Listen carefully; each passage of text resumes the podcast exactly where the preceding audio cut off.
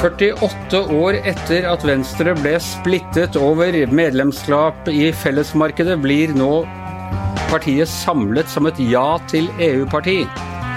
Og rakner det for Donald Trump? Dette er Gjever og gjengen, det er 22.6.2020. Ja, eh, Tone Sofie Aglen, du kom akkurat eh, inn døra til hjemmestudioet ditt eh, fra pressekonferanse med Miljøpartiet Det Grønne. Eh, som også er litt på glid i EU-saken, er det ikke det? Jeg opplever at eh, partiet, som miljøbevegelsen egentlig, er ganske delt. Eh, Une Bastholm har vel mer eller mindre sagt at hun eh, er, er, for EU, og, og, mange av de som er opptatt av klima, ser jo på EU og internasjonalt samarbeid som eh, positivt, men jeg tror det er ganske mange der ute i partiet som er eh, nærmest av eh, prinsipp EU-skeptikere. For det har jo liksom hørt litt med den her Raddi-sida i i, i, norsk politikk, om man kan uh, kalle det det. Og under pressekonferansen spurte vi både Une Bastholm og, og leder av uh, Grønn Ungdom om det spørsmålet, og de var veldig tydelige på at uh, her er det folkeavstemninger, og ikke noe, ikke noe tydelig svar fra MDG om å ta et sånt standpunkt. Ja, for dette er liksom arvesølvet til venstresiden i norsk politikk. Folket reiste seg og sa nei til Brussel og kapitalmakt og bli styrt fra, fra utlandet i 1972. Og det er det mange som ikke har lyst til å forandre på? Ja, det, det er den historien som jeg opplevde opplevd i 94, som var den veldig dominerende, ikke bare på venstresida, men også veldig i distriktene. At, uh, at EU var, uh, om ikke akkurat dyr i åpenbaringen, så en, en, farlig vei. Det var noen som mente det òg? det var noen som mente det òg, men, men, det er jo kanskje mer på den litt sånn moderne klimasida, og i Europa så er det jo knapt et grønt parti som ikke er veldig EU- og europavennlig. Så det er litt særnorsk. Og Venstre, som altså slåss å, for å være større enn sin egen feilmargin. De er nå også blitt et ja til EU-parti. Vil, det, vil, dette unnskyld, eh, vil dette virke gunstig for partiet, Tone Sofie Hagen? Jeg tror i hvert fall at uh, det har vært viktig for partiet å, å ta det standpunktet. For uh, veldig mange av de mest profilerte politikerne i Venstre, med unntak av Trine Skei Grande, da, har jo vært veldig ja til EU og opplever liksom at Venstre har en nisje som Eh, som det mest eh, EU-vennlige, samarbeidsvennlige partiet i norsk politikk. Eh, om det er det som får de over oppover, er jeg mer usikker på. Jeg ser at f.eks. i Trøndelag så er fylkes- eller gruppelederen i, i Venstre der ute og, og, mener at det her vil tappe Venstre for krefter. Og vi har jo nettopp hatt et oppgjør fra Venstre-nestleder Terje Breivik, som mener at, at det her liksom det er særlig samarbeid med Frp, da, men i distriktsvenstre så tror jeg ikke at det er bare jubel for øh, det vedtaket. Og Hanne Skartveit, øh, politisk redaktør i VG. Du har vært en trofast tilhenger av EU så lenge jeg har kjent deg. Du skrev en bok som het 'Dette bør du vite om EU' allerede før du begynte i VG, tror jeg? Nei, skrev, nei etter EU-kampen skrev jeg boka 'Brussel tur-retur', Var det det den heter? som handler om EU-kampen. Men Anders Bjartne skrev den 'Dette bør du vite om VG', og jeg skrev boka sammen med Anders Bjartne, så der er linken. Det var en link der, ja. Men, men du har i hvert fall vært en entusiastisk tilhenger av um, norsk medlemskap i fellesmarkedet, holdt jeg på å si, i Den europeiske union. Ja, og vet du hva jeg har rett over pulten som jeg ser på nå, Anders? Her står det 'Europeisk ungdom'.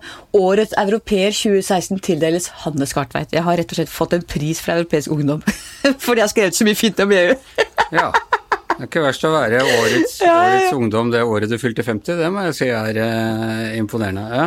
Men eh, betyr, hva betyr dette at eh, MDG og Venstre Altså at Venstre blir et ja-parti, og at eh, det er bevegelse på gang i, i MDG? At Venstre blir et ja-parti, tror jeg betyr ikke noe. Altså, eh, For det første så er jeg usikker på om de klarer å få det inn på landsmøtet. De er jo splitta i dette som alt annet, og dette er det som har virkelig sprukket Venstre før. Så at eh, jeg tror det er mer til skade for Venstre Kanskje det liberale Folkepartiet må komme tilbake? Ja, ikke sant? Det er mer til skade for Venstre enn det er til gagn for EU-saken, tror jeg. MDG derimot syns jeg er kjempeinteressant, hvis de på et tidspunkt skulle ende opp med ja til EU. Jeg har tidligere skrevet at de er de som kan få norsk EU-debatt over et nytt spor. Det er helt absurd å være opptatt av klimapolitikk og ikke være for EU, for dette er spørsmål som må løses på et overnasjonalt plan. La sjølråderett over klimapolitikken, da, vet du. Ja, da kommer vi ikke langt, gitt. Eh, Hans Petter eh, Sjøli, du har øret til marken i sosiale medier. Dette, kan, kan, dette bety noe som helst? Nei, men det er jo ganske eh, kult, vil jeg si, at, det, at, vi faktisk begynner å diskutere Norges forhold til EU igjen. Og det er sånne ting som kan da utløses ved da Venstre sitt landsstyre sitt forslag. Det er oversendt til landsmøtet. Det er jo ikke, det er jo ikke sånn at Venstre har snudd ennå. Det er landsmøtet i september som skal avgjøre det her. Men det er jo, det er jo ytterst interessant at, eh, at, hvis det blir sånn at Venstre og MDG nå blir på en måte i hvert fall ja-partier, eh, så begynner norsk EU-debatt å ligne litt mer på den europeiske EU-debatten. Uh, som er, både positivt og negativt for, uh, for, selve debatten, tenker jeg. Fordi uh, det er jo høyrepopulistene som er de store EU-motstanderne nedover i Europa. Og, og, det ser vi også med Frp i Norge, som, som tidligere var et ja-parti, som nå har blitt i hvert fall blant den mer si, friske fløya i Frp, så er det, er det veldig sterk EU-motstand. Så det begynner å ligne litt mer på Europa. Og, og ja, om det vil bringe Norge nærmere et EU-medlemskap, det er jeg litt mer usikker på. Men det er noen venstrepopulister rundt omkring i Europa som også er ganske sterke eh, EU-motstandere? Men det er ikke så mange av dem. det er mer, litt, litt mer, Du må ganske langt ut på, på fløyen for å få det. Og det, det som jeg synes er interessant med også den norske skal vi si, liberale venstresida, så har vi en kronikk i VG i dag av uh, Tor Egil Brådland, som var leder for sekretariatet i SV i mange år på Stortinget. og Han, han skriver da en kronikk der hvor han mener at nå må vi slutte å være så mot EU på autopilot i Norge, vi som er på venstresida, som han sier.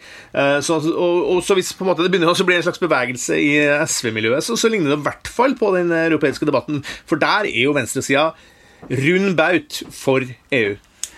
Tone Sofie, er det mulig at du, hvis du får en ny eh, sånn EU-runde, så blir det høyresiden som er mot og venstresida som er for? Jeg tror det skal skje ganske mye i norsk politikk uh, før det er, er virkeligheten, ja. For uh, i hvert fall i store deler av Norge så opplever jeg at den uh, nei til EU og hva var det vi sa, fortsatt står eh, veldig sterkt. Men så tror jeg også det preges veldig at det er jo ikke en veldig aktiv EU-debatt heller. Så det, tror de aller fleste partiene er godt fornøyd med å ha den eh, liggende i skuffen. Ja, Hanne. Er, det, er dette noe annet enn en sånn intellektuell lek for uh, oss i den mediale Oslo-bobla, som ikke skjønner åssen tingene foregår rundt omkring her i landet?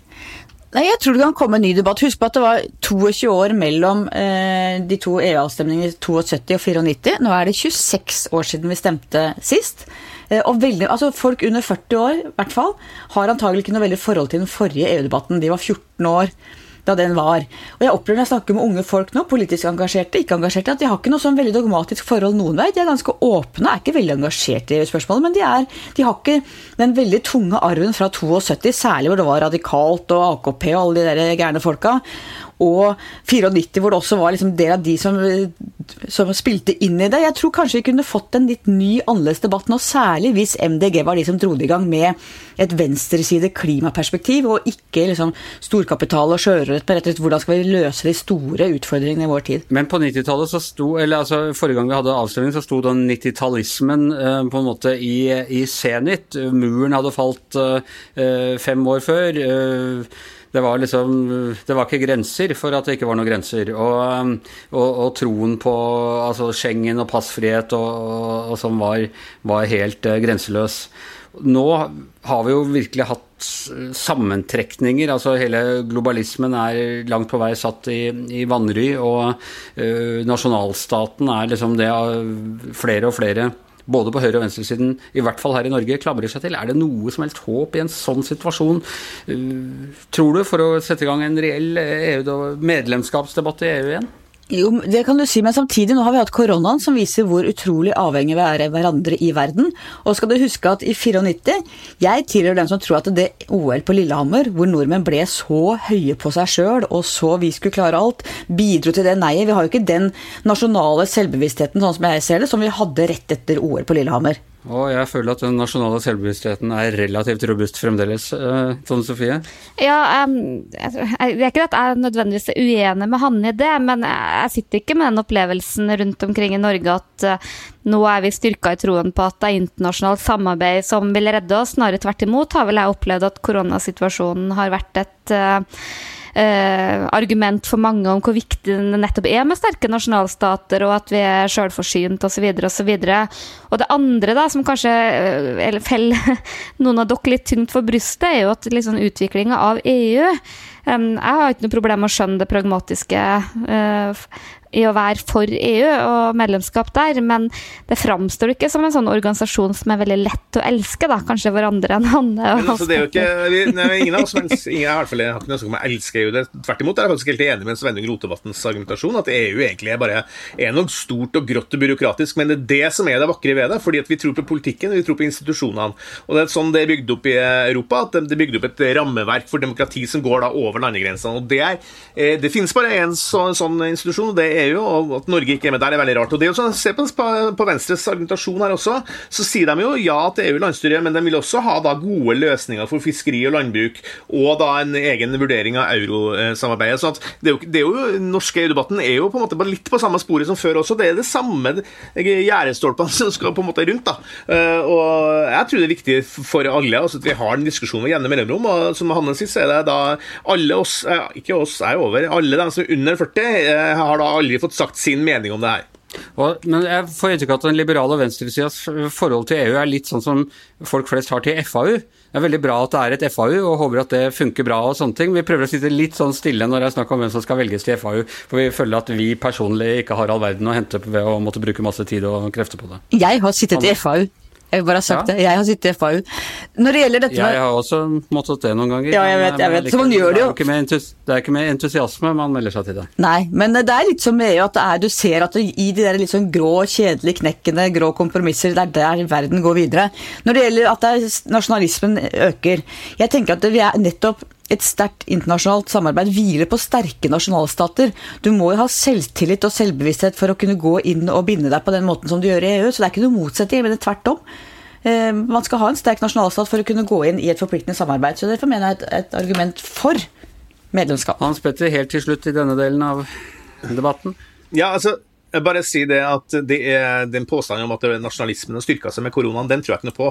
Men det jeg tror på, er som eh, den, den bulgarske statsviteren Ivan Krastev da, skriver i sin siste bok, så argumenterer han for at det kommer til å komme opp en slags geopolitisk eh, europeisk nasjonalisme, i den forstand at vi da eh, Husker han eh, Espen Nakstad for eksempel, sa at det har vært viktig for eksempel, å være selvforsynt med medisiner. Som han sa aldri i Norge, han sa i Europa. Vi kan aldri få en egen norsk industri som tar det her sjøl. Vi må samarbeide, og da på en måte blir da Europa den naturlige måten for Norge å delta i verden på. Jeg mener at EU-debatten er på overtid, at det er kjempefint at den settes i gang igjen. Ja.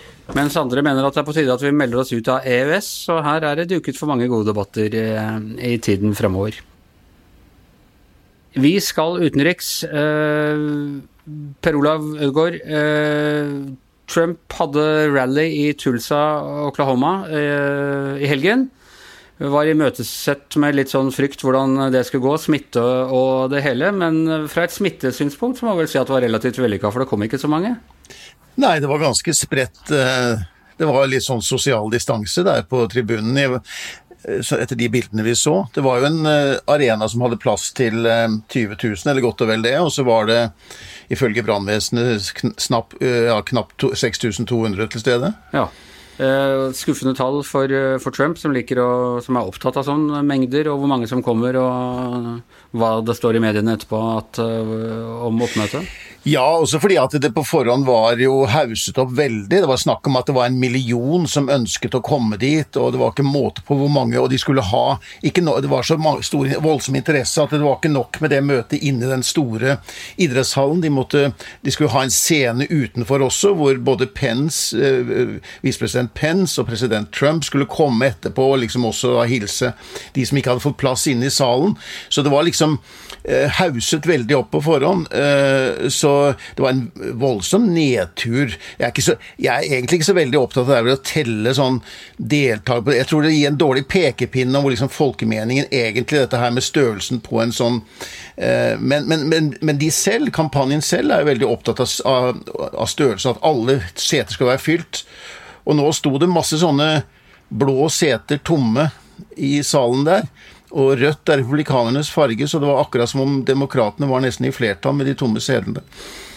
Og så er det jo eh, sånn Trump har eh, på en måte, Han sluttet aldri eh, valgkampen sin på mange måter. Når, når ting har gått ham imot, så har han holdt sånne svære folkemøter og rallies, og der får han en veldig boost, for der står det liksom tusener og eh, jubler for han og jubler for det han sier og er liksom på hans lag, så det gir ham helt sikkert en sånn veldig selvtillit på at, på at han gjør det rette. Og nå så vi det filmklippet hvor han nå kom tilbake til Washington Eh, etter dette møtet, da så han ut som en slagen mann, eh, vil jeg si. Det kan jo være selvfølgelig Du kan være sliten av mange grunner, men, men det var nesten sånn litt trist å se. Ja, det så ut som det var en veldig tung eh, gange tilbake der. Og, og, det heter seg jo da, og skal man tro på det som, som sies og skrives her, så, så, var han både sint og Det var mye raseri i, i den eh, Både hos han selv og hos, eh, i Trump-kampanjen etter det som skjedde der, og at dette var en fadese, en fiasko, i forhold til hva som var forespeilet.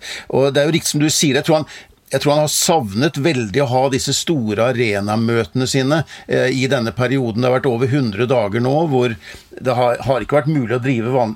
Vi er tross alt inne i et valgår også nå, eh, og hvor, det, hvor, hvor, man har den type store møter, er vanlig.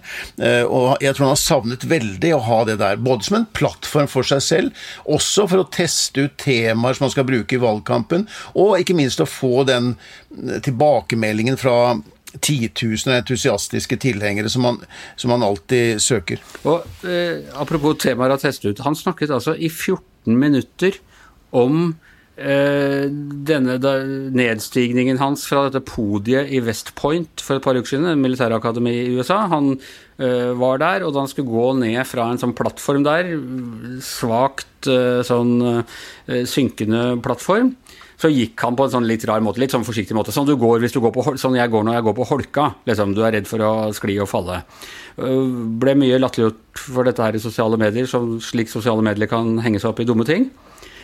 Og så snakket han altså da i 14 minutter, tror jeg de tima det til, om eh, hvorfor han gikk på den måten. Det virker jo helt corny.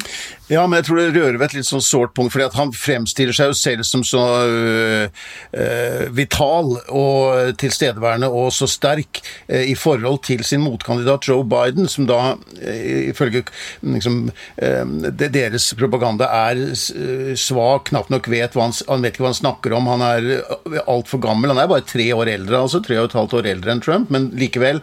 Det er en presidentperiode, det. Ja, og at han, er, at han ikke derfor og, og, Det er jo liksom fordi mange jo egentlig synes De, de har vel en følelse at mange blant velgerne synes Biden er en bra mann. ikke sant? De, de, kjenner ham godt fra hans tid som senator og som visepresident, og at han blir allment godt likt. Men hvis de bruker argumentet om at han er at den er så gammel at han ikke er i stand at ikke, Det er ikke noe sammenheng i hva han sier, han er svak. Så, så, er det veldig uheldig for Trump hvis han selv fremstår som, som svak og, og, og, og, aldrende. ikke sant? Og det, han, han, demonstrerte jo også dette ved å drikke vann fra når han sto på podiet der, og, grep dette glasset og drakk det med en, og løftet med én hånd og kastet av gårde etterpå for å vise at han, det var en maskulin eh, test. da, på en måte jeg imponert. Ja, nei, men han hadde jo stått der på West Point og måtte holde glasset med begge hender når han drakk, og dette var jo også noe man la merke til. Det viser jo også, Her er det på en måte litt bumerangeffekt. Han har vært veldig god til å utnytte sosiale medier, men her treffer det ham litt i trynet. For det der vanngreiene altså bare tøys. De har lagt ut noen klipp hvor han øh, skjelver litt på hånden når han drikker vann og bruker en liten støttehånd eller noe sånt et par ganger. Og så har man nærmest gjort det til et problem at presidenten kan ikke drikke vann med én hånd, og så går han på den og skal bevise at han kan det. Eh, jo, men det, det, blir litt sånn latterlig, men det er også litt altså, og Dette her er jo egentlig helt uvesentlig, men de har selv gjort til en stor sak at han skal være så veldig mye sterkere og mer vital enn sin motkandidat. Og vi har sett og hørt Biden. Han har, kan holde et veldig godt resonnement, han kan holde en god tale, han er veldig nærværende når han møter folk. Så det stemmer ikke det første, og da blir alt galt. Uh, Hans Petter, uh, snur det mot, snur seg mot Trump nå. I, altså, I sosiale medier har han alltid vært upopulær, men, men, han har jo samtidig også behersket eh, det fora veldig godt. Ja, men eh, det, det, du så jo med Apropos Biden, så så jo de la ut en reklamefilm med én gang nesten i, i går, Biden-kampanjen, hvor, hvor, de viser da Trump hvor han går og rolig ned den rampa ned fra den, det podiet. ikke sant? Og da klipper de inn på slutten en, en video av Biden der han løper rundt. da. Riktignok fra 2016, men Biden ser ut som en sprek, ordentlig sprek kar i forhold til en litt sånn tung og liksom satt Trump. Og i tillegg, når du får den der videoen fra da han gikk av helikopteret etter det rallyet, og som du nevnte, ikke sant, og han ser så, så sliten og så forbanna og så ja, helt slagen ut, så, så er det jo så EU viser jo da at, at, eh, det er en fyr som kanskje på, kan begynne å oppleves på defensiven. og I sosiale medier og på Twitter, da, som jo det her foregår mest på, så ser du at Joe Biden og hans kampanje nå leverer veldig presise og liksom korte oppdateringer som får flere likes enn det Trump gjør. og det, Hvis du går inn og måler på en måte der, så, så viser jo på en måte at, at demokratene har brukt Trump sine egne metoder og kanskje begynner å out-trumpe Trump. da. Ja.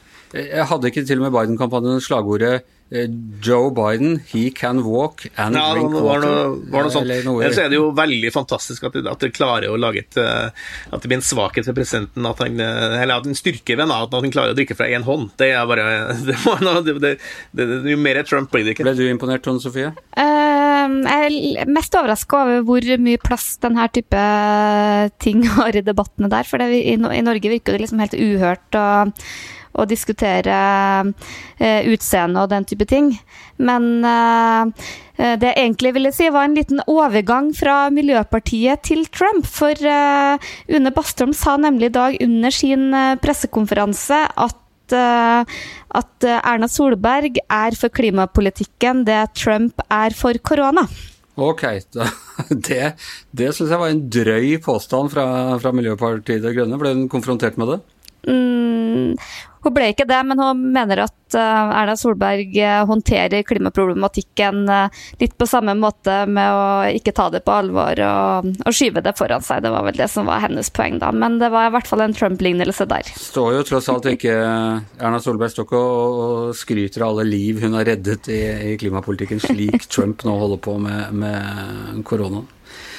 Men det er altså det er fem måneder til Eh, til valget. Og for første gang så ser man at Trump på, ser ut til å ha gått på en ordentlig smell, både på meningsmålinger, på denne her approval-ratingen og på det der å kontrollere narrativet, som det heter. Altså hans forsøk på avledninger eh, ser ikke til å fungere.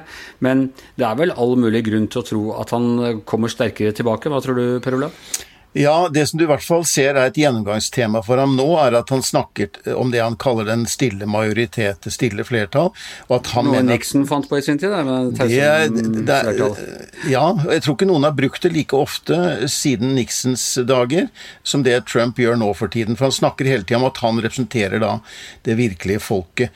Um, og vi får se. Altså, det kan eh, Det er fortsatt lenge igjen, men nå virker det jo som om Trump selv har på en måte nærmest avskrevet valget. Han sier at uh, dette vil bli vår tids største skandale, og at uh, med millioner av poststemmer som skal trykkes i fremmede land, Uh, og, og, dermed så, så, er skandalen allerede et faktum. Virker jo, han virker jo ganske uh, utslått, nedslått dagen etter dette møtet i, i Oklahoma. Ja, altså det er, det er jo veldig utrumsk å, fremstå på en måte som han gjør nå.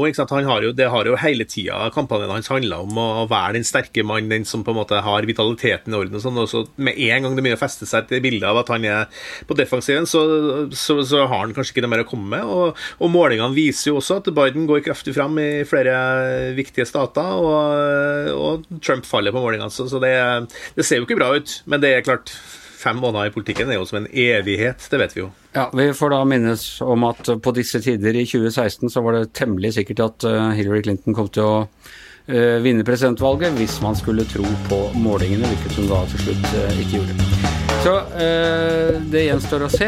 Gjever-gjengen er over for i dag. Hvert sitt hjemmestudio. Hanne Skartveit, Per Olav Ødegaard, Hans Petter Sjøli, Tone Sofie Aglen. Jeg heter Anders Giæver. Og vår sterke mann som går strunk og rak ned enhver eh, plattform han har eh, stått på, er vår produsent Magne Antonsen.